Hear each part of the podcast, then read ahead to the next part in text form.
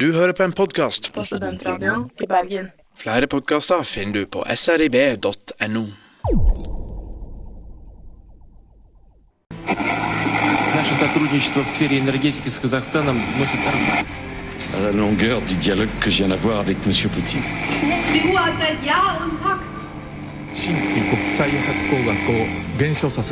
Die Uhr hat seit Jahr und Tag 新規国際発行額を減少させ財政の健全化に向けた símbolo del fascismo en Sudamérica. मगर मुझे पाकिस्तान जाना है जमहूरियत की जदोजहद Det som skjer her, det er verken en revolusjon eller en vår. Det er en konspirasjon. Disse ordene tilhører Bashar al-Assad, som er Syrias øverste leder. Du hører på utenriksmagasinet MIR. Jeg heter Leila Feratovic. Med meg har jeg Nina Kvello. Og sammen skal vi ta deg med ned til Midtøsten, så rettere sagt Syria. Vår kjære medarbeider Karoline Noranger har snakka med Midtøsten-historiker og professor ved UiB, Knut Vikør. Eh, Opprørerne har etter hvert klart å komme fram til en slags geriljateknikk, der de flytter seg fra én by eller et område til et annet.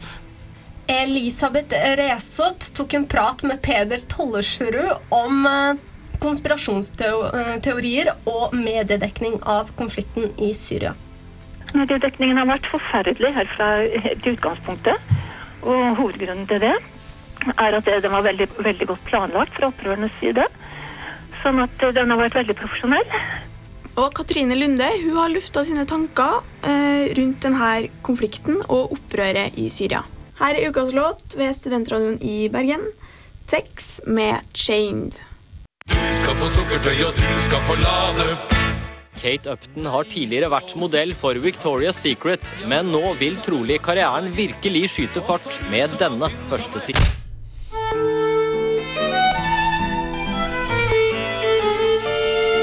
Seriøst. Utenriksmagasinet MIR. Du hører altså på utenriksmagasinet MIR, og i dag snakker vi om Syria. Og det er jo som sagt en eh, konflikt som pågår der nede. Eh, Men før vi virkelig tar tak i den konflikten og dagens situasjon der, så må vi jo nesten dykke litt dypere i historikken til Syria. Og dette har du satt deg inn i, Nina. Ja, det har jeg, vet du. Syria det er jo en eh, forholdsvis ung nasjon. Eh, de tilhørte jo det ottomanske riket fram til eh, 1918. Og etter det, fra 20-tallet og utover fram til eh, ja, slutten av andre verdenskrig, 1946-ish, så eh, er det Frankrike som har hatt styringa i Syria. Og Syria ble først en eh, selvstendig republikk, både formelt og reelt, i 1946. Eh, Etter det så er det en rekke kupp som har prega det politiske livet. Før eh, det sosialistiske partiet Bath tok makta i 63, og Hasif al-Assad han ble altså president i 1971. Og under hans styre så utvikla Syria seg til å bli en politistat. Og det var ingen eh, reell opposisjon, eller det var ikke noen motkandidat under valgene da han satt eh, som president, helt til han døde i 2000. Og da tok jo, som kjent, hans sønn, eh, Bashar, over makten. Og da var det jo mange som håpa på at det politiske regimet i Syria skulle liberaliseres. Eh, men sånn har det vel kanskje ikke gått. Nei, det har det ikke. Og dette Assad-dynastiet, hvis man kan kalle det for det, har jo ført til et sterkt autoritært regime. eh, Der folk blir undertrykket, og det er derfor de nå vil ha forandring. Noe som fører til eh, opprør, som vi har også sett andre deler av Midtøsten. Eh, Dette opprøret eh, er det vi skal fokusere mest på nå. Og i den forbindelse så har Karoline Noranger eh, snakka med Knut Vikør om situasjonen i Syria i dag.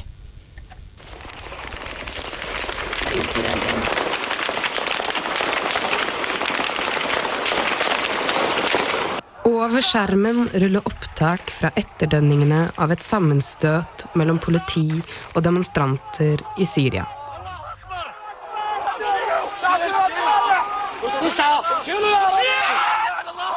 På bakken ligger menn truffet av kuleregnet som hagler imot dem. Allah er stor, roper de skadde opprørerne igjen og igjen. Jihad, hellig krig. For for disse demonstrantene er kampen mot Assad og hans regime en hellig kamp. Klippet er over ett år gammelt, men fortsatt akkurat så aktuelt som da det ble tatt opp. Knut S. Vikør er Midtøsten-historiker og professor ved UiB. Han kan fortelle at opprørene i Syria startet etter at nettopp politiet var unødvendig hardhendte.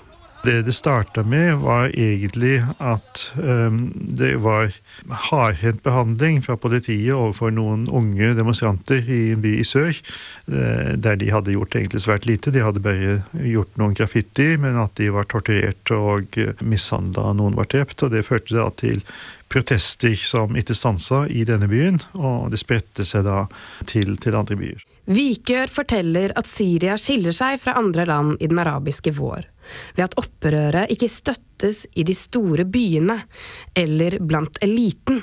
Hvordan gir dette særpreget seg utslag i konflikten? Vi ser jo til dels resultatet av det eh, nå den siste måneden. I Damaskus, i hovedstaden, så har eh, det i utkanten av byen vært eh, områder som har vært opprørske. Mens den største byen i, i Syria har vært lojal mot regimet, dvs. Si at store deler av befolkninga har ikke iallfall deltatt i opprøret. Nå, eh, etter at kampene har vært der, så vedgår jo også opprørsledere at 70% av befolkninga i Aleppo støtter regimet, mens det bare 30% støtter de sjøl. Også opprørerne innrømmer den manglende støtten i byene. Når mange av de største kampene skjer nettopp her, blir det ekstra vanskelig for opprørerne å få støtte og dermed kontroll over disse strategisk viktige områdene. Eh, og det betyr en vesentlig forskjell på hvordan kampene har vært og kan forstås i byer som eh, Hams, Homs og Hama, der byene har gjort opprør. I Damaskus og Aleppo har det vært kamper der begge parter kommer utenfra. Altså at eh, opprørerne har sendt inn soldater for å ta kontroll over Aleppo, og så har regimet sendt inn andre soldater for å bekjempe opprørerne. Så det er blitt en slagmark mer enn at det har blitt en opprørsby.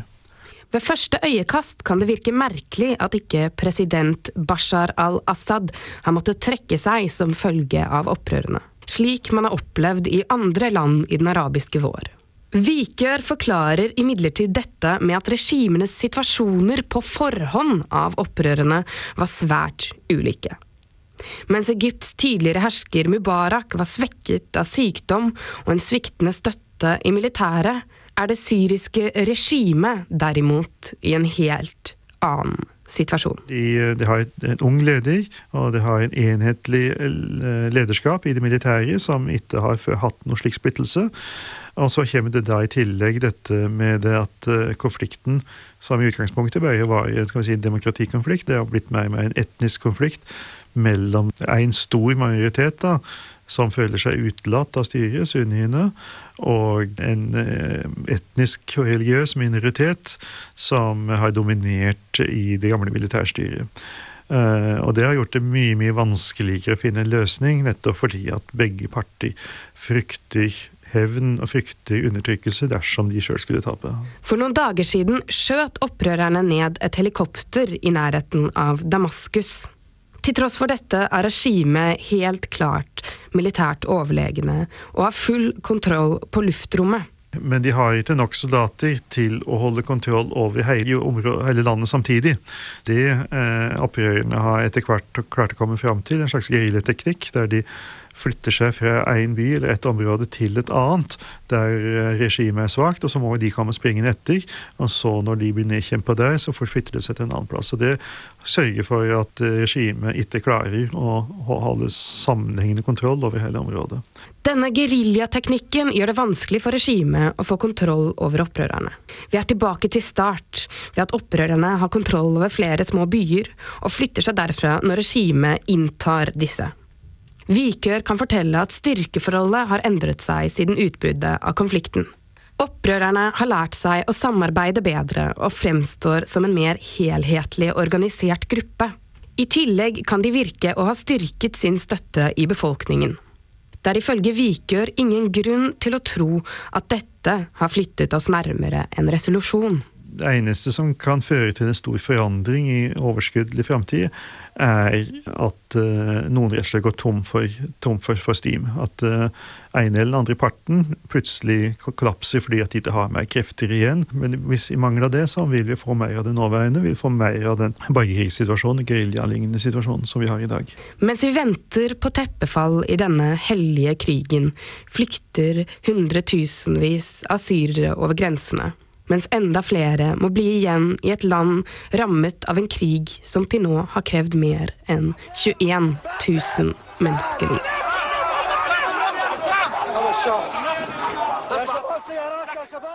Der hørte vi altså vår Emir-medarbeider Karoline Noranger prate med Knut Vikør om eh, den nåværende situasjonen i Syria.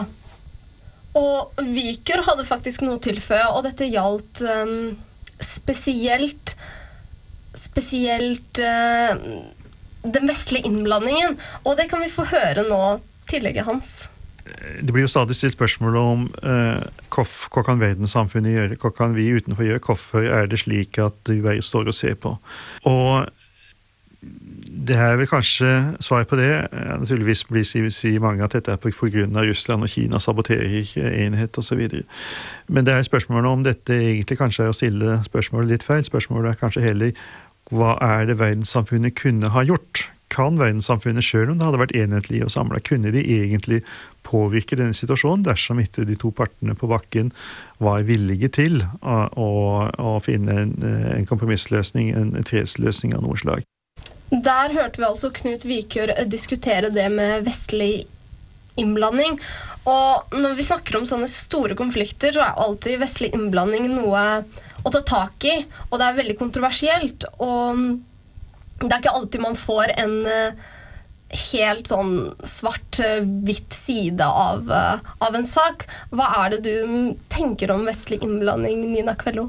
Eh, jeg tenker vel at altså, det her er jo et spørsmål som går igjen, igjen og igjen.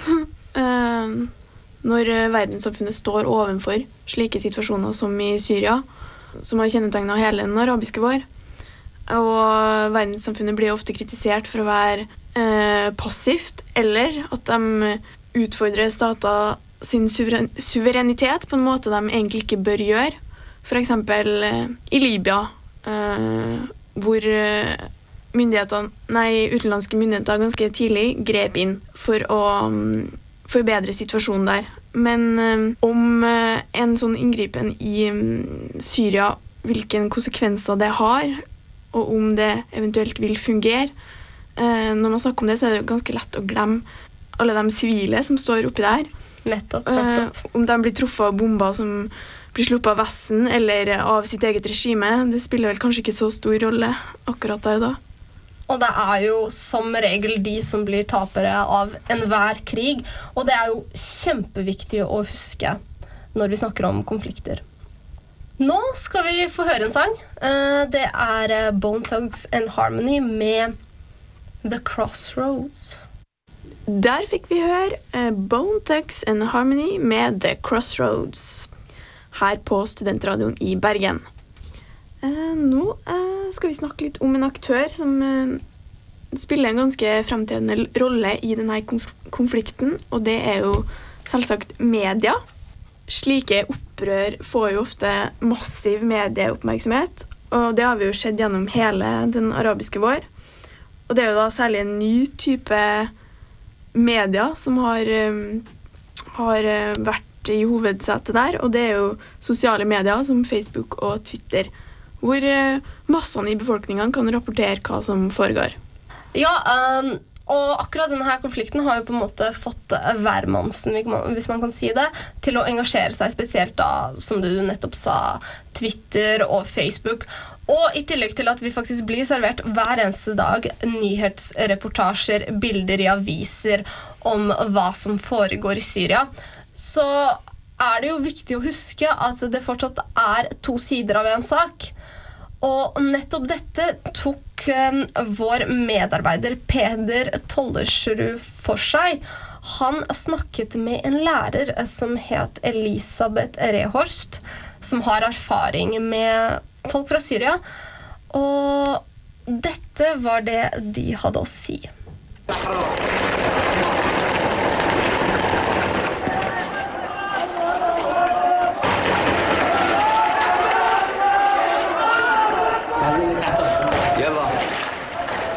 Kampene i Syria har pågått lenge. Her i Norge har vi sett bildene og reagert med vantro.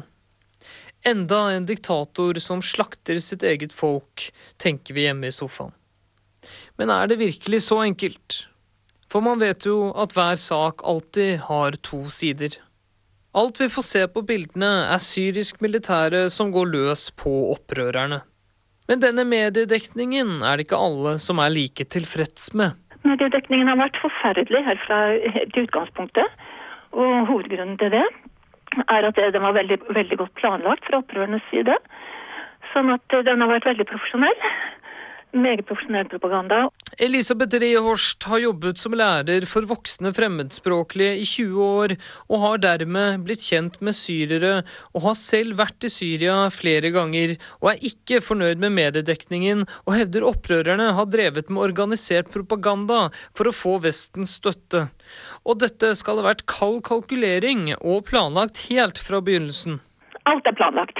Men sånn som denne, dette opprøret begynte, så begynte det også av at jeg har de, de forbindelsene der òg, så vet jeg helt konkret at det var planlagt helt fra begynnelsen. Og sannsynligvis da fra Saudi-Arabia og Qatar. Qatar og Frankrike jobbet jo veldig godt sammen i Libya også under Nato-bombingen.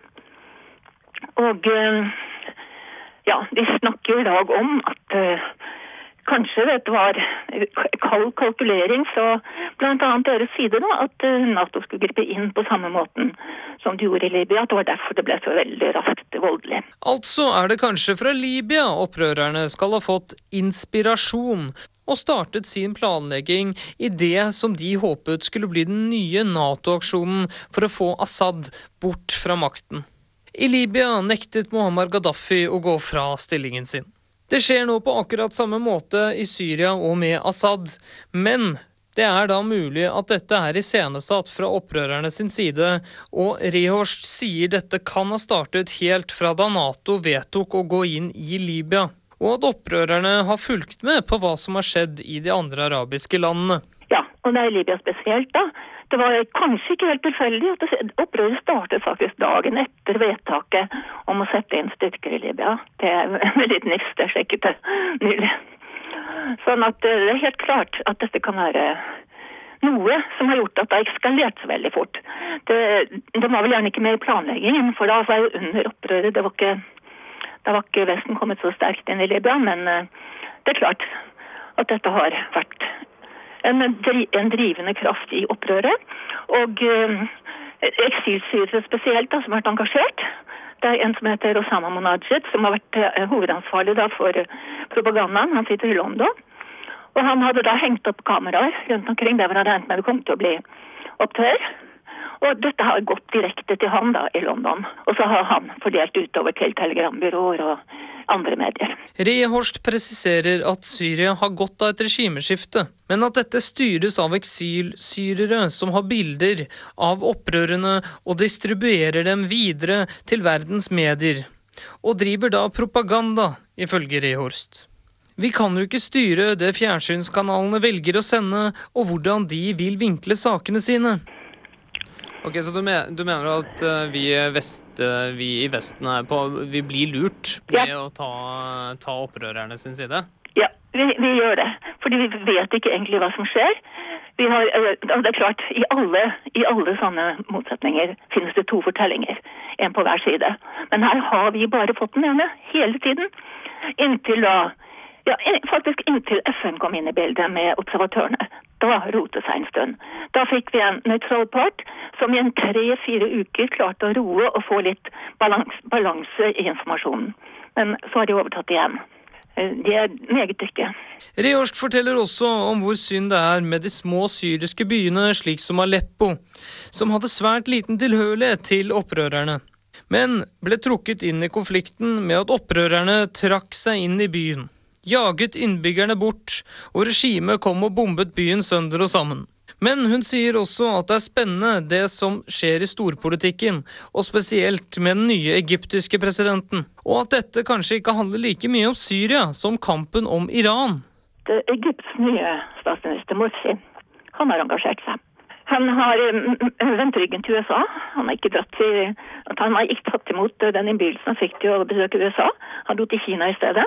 Og så har han da jobbet sammen med en alliansefri gruppen, og da Saudi-Arabia og Qatar. Og Iran, ikke minst. Altså Iran er jo en nøkkelkomponent i dette her. Først og fremst fordi at denne kampen egentlig dreier seg om veien til Iran. De skal, de skal, at Vesten, USA, ønsker åpen vei til Iran. Det er hensikten med å ødelegge Syria. De bløffende i Syria, bare de får, får fri vei til Iran. Og Marci har nå gjort opp gammelt fiendskap med Iran. De har ikke hatt uh, diplomatiske forbindelser på mangfoldige år. Men nå begynner de å jobbe sammen med da Russland og Kina. Også selvfølgelig Saudi-Arabia og Qatar må være med, og Tyrkia må være med.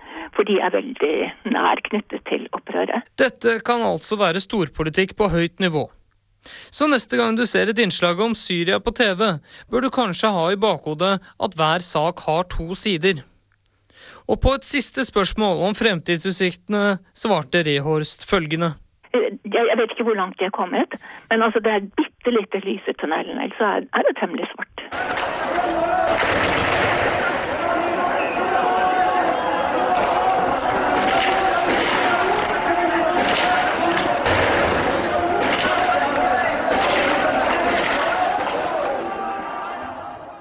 Her snakket altså Peder Tollersrud med Elisabeth Rihorst om konspirasjonsteorier. Og det er jo riktig som de sier, at det er viktig å få et nytt innblikk i en sak, spesielt en så stor og mediedekket sak som nettopp borgerkrigen i Syria. Men man kan jo ikke ta alle meninger, spesielt når det er personlige meninger, påvirket av det kanskje Elisabeth hadde litt sånn personlige meninger om syrere og situasjonen der, så det er jo ikke alltid man kan ta det for god fisk. Men likevel så er det jo det blir litt konspirasjonsteoretisk, mener jeg. Men det er jo selvfølgelig viktig å få ja, jeg, to sider av en sak. Ja. ja. nei, jeg er helt enig i det, altså. Det er en veldig sterk mening som Jeg tror ikke akkurat flertallet deler akkurat det her synspunktet som hun forfekter. Men uh, altså Det er jo Vi får jo ikke vite alt gjennom media. Media er jo selektiv. og Nettopp, nettopp. Eh, de framstiller det de har lyst til å framstille. Så det kan jo, det kan jo ikke vi kontrollere på den måten. Men likevel så er det jo noe av det hun sier om at, at det hele opprøret er bare en uh, unnskyldning for å komme seg inn i Iran og det alt det der. Det blir litt sånn Det blir litt drøyt. Ja, men vi har på en måte hørt også litt før egentlig med alle de store konfliktene. Litt sånn bakgrunnskonspirasjonsteorier. Og det er jo selvfølgelig viktig å ta alle teorier eh, Ta hensyn til alle teorier. Men når det blir noe så personlig som f.eks. dette her eh, Rihorst tok opp, så syns jeg det blir kanskje å gå litt for langt. Men fortsatt, for all del, er viktig med meninger. Det er det. Mens vi venter på at flere meninger bare flyter inn til redaksjonen, så kan vi høre på en låt fra ukens album fra Ariel Pinks, 'Haunted Graffiti'.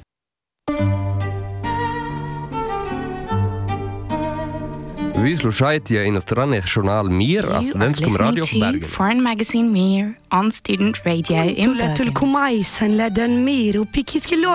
Mir magazine étrange la radio étudiante à Bergen.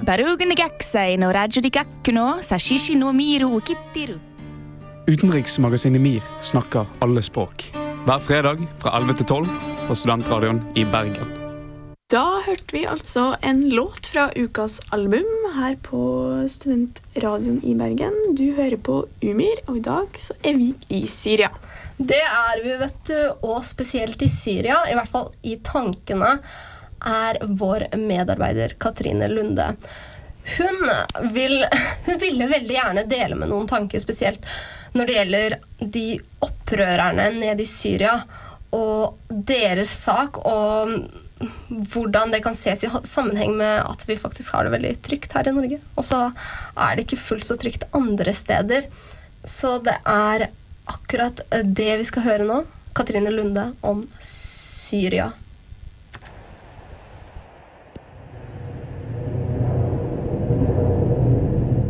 Vi i Norge kan ærlig innrømme at vi har det godt. Hver eneste dag kan vi lese i vår frie presse nyheter om styresmaktene i landet vårt, og vanlige mennesker får fritt utløp på kommentarseksjonene i de forskjellige avisene. Hvorvidt vi får noe fruktbart ut av sistnevnte, kan diskuteres, men poenget er at muligheten er der. Vi har politi som ikke kan bestikkes, og vi kan stemme på hva vi vil uten å måtte lide for det. Dessverre er det ikke slik for alle i verden, enn hvor mye man skulle ønsket det.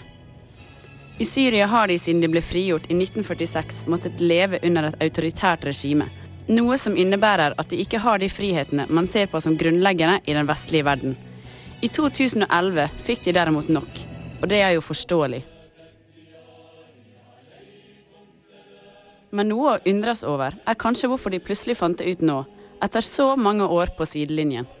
Mesteparten av det kan forklares med den arabiske våren, hvor Tunisia gikk til opprør mot sitt regime, og startet en kjedereaksjon som inkluderte de arabiske landene Egypt, Jemen og Libya. Da folket i Syria så at det kunne nytte med en revolusjon, tenkte de at dette kan vi også gjøre, og hurlumheien var i gang. Dessverre er statsoverhodet i Syria, Bashar al-Assad, en av de menneskene i verden som USA og Saudi-Arabia hater mest av alt. Dette pga. at han har valgt å støtte både Hamas i Israel og Hizbollah i Libanon. Og han er bestevenn med den slemmeste gutten i klassen, Iran. Et land som alle vet ikke er USA sin favoritt på noen måte.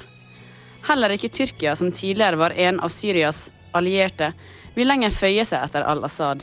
Dette på grunn av at han nekter å etablere en buffersone for de mange flyktningene i og utenfor Syria. At han i tillegg skylder på Tyrkia for blodsutgytelsene som har krevd mer enn 20 000 liv i Syria, gjør det vel trygt å påstå at al-Assad driver med seriøs brobrenning. Ikke er han særlig reflektert heller. Tilbake til de stakkars syrerne som bare ville opprøre litt så de kunne få det bedre. Etter mange år med hating fant USA og Saudi-Arabia endelig sin sjanse til å dytte al-Assad ned fra sin høye hest, nemlig å kuppe syrerne sitt opprør.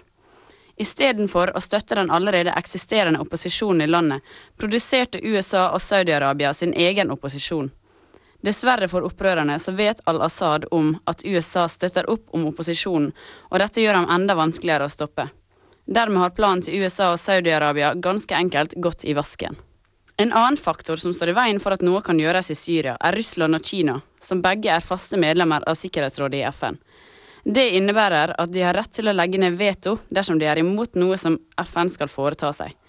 Denne retten har de brukt flittig når det kommer til situasjonen i Syria, noe som gjør det umulig for FN å gripe inn. Dette fører til at Sikkerhetsrådet mer eller mindre har gitt opp å prøve å få til noe i Syria, og av de fem faste medlemmene i Sikkerhetsrådet var det bare Storbritannia og Frankrikes utenriksrepresentanter som stilte opp på forrige møte. Det kan virke som situasjonen i Syria har gått helt over stokk og stein, og ser man på fakta, er det vel egentlig lite den vestlige verden kan gjøre for å forbedre situasjonen. Det beste for syrerne hadde vel egentlig vært om den vestlige verden hadde avsluttet sin vendetta mot al-Assad og latt syrerne få kjempe sin egen kamp uten innblanding. Kanskje hadde de da endt opp med et resultat som i Tunisia eller Egypt.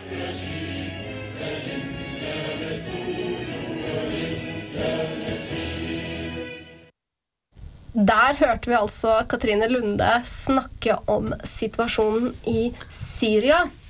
Det gjorde vi jo, da. Um, og vi um, hørte jo at hun nevnte uh, noen av Assad sine uttalelser der.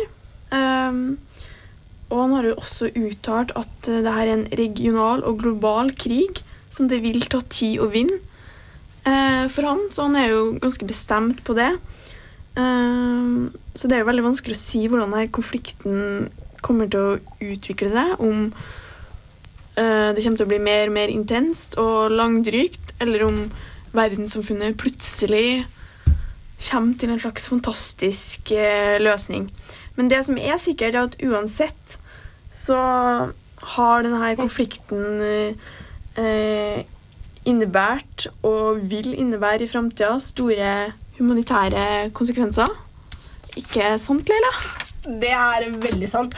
Og det er akkurat det vi snakker om når vi prater om konflikter. Det er humanitære kriser. Og når vi snakker om humanitære kriser her i Syria, så kan vi meddele at eh, over 20 000 har mistet livet. Flesteparten av de selvfølgelig uskyldige sivile. Og her er spørsmålet hva fører denne Altså blodsølet, hva fører det og de høye dødstallene? Jo, det fører til at folk blir redde, og de setter ut på flukt. Og når de setter ut på flukt, så flykter de gjerne til nabolandet. Og noe som skaper en situasjon av flyktningleirer i nabolandene som veldig lett blir overfylte. Spesielt da nabolandene til Syria, Tyrkia, Irak, Jordan. Og dette fører også til diplomatiske problemer. Hvordan skal Tyrkia, som nå er i en slags konflikt med Syria, forholde seg til at de får inn syriske flyktninger? Og det er en veldig kompleks situasjon. Uh, borgerkriger er ikke lett, og spesielt ikke når hele verden invol involverer seg. Og det er viktig å huske at dette her er menneskeliv det er snakk om. Det er ikke bare disse tallene og bare hva vil skje når Assad Eller hvis Assad blir veltet fra sitt regime, hva vil skje da? Nei, det er faktisk det som skjer nå, og det er opprørerne mister livet. Og uskyldige mennesker mister livet. Det er med andre ord, er med andre ord mange sider med denne situasjonen eh, som er vanskelig, både for Syria og landene som er rundt. Og apropos opprør, her har du Muse med 'Uprising'. Studentradioen i Bergen feirer 30 år. Vi ønsker at nettopp du kommer og feirer i lag med oss. 1.9 braker det hele løs. En hel uke med radiomoro. Til jubileumssendinga førstkommende lørdag kommer The Real Ones, Hvitmalt gjerde, Fonofestivalen, Frank Aarebrot, Davy Vatne, Trude Drevland, Desta Marie Bieder, Arild Riise, Sigmund Grønmo, Lars Nyhre og Forsom Marsjør. Det blir leker, kake, rosa ballonger og bursdagsstemning. Klokken 13 til 15 på trappene til Den nasjonale scene. Radio!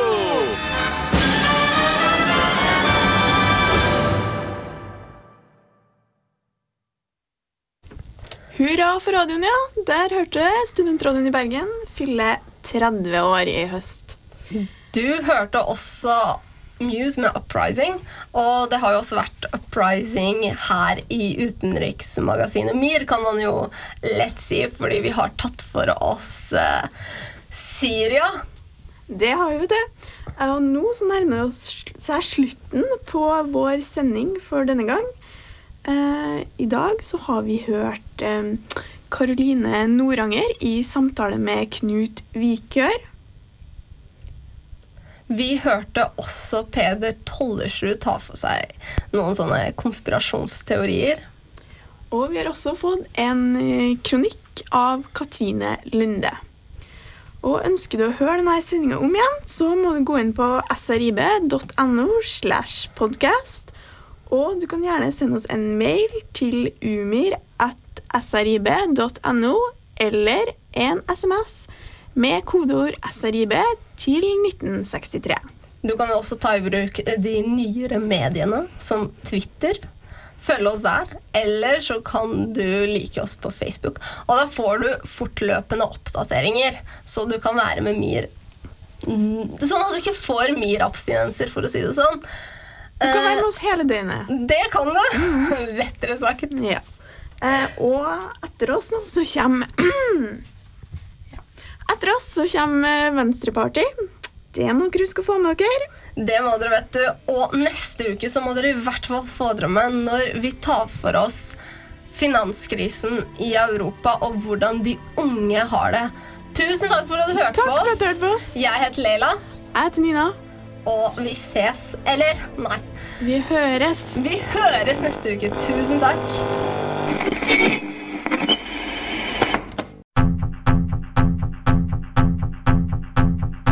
Du hører på en podkast på Studentradioen i Bergen. Flere podkaster finner du på srib.no.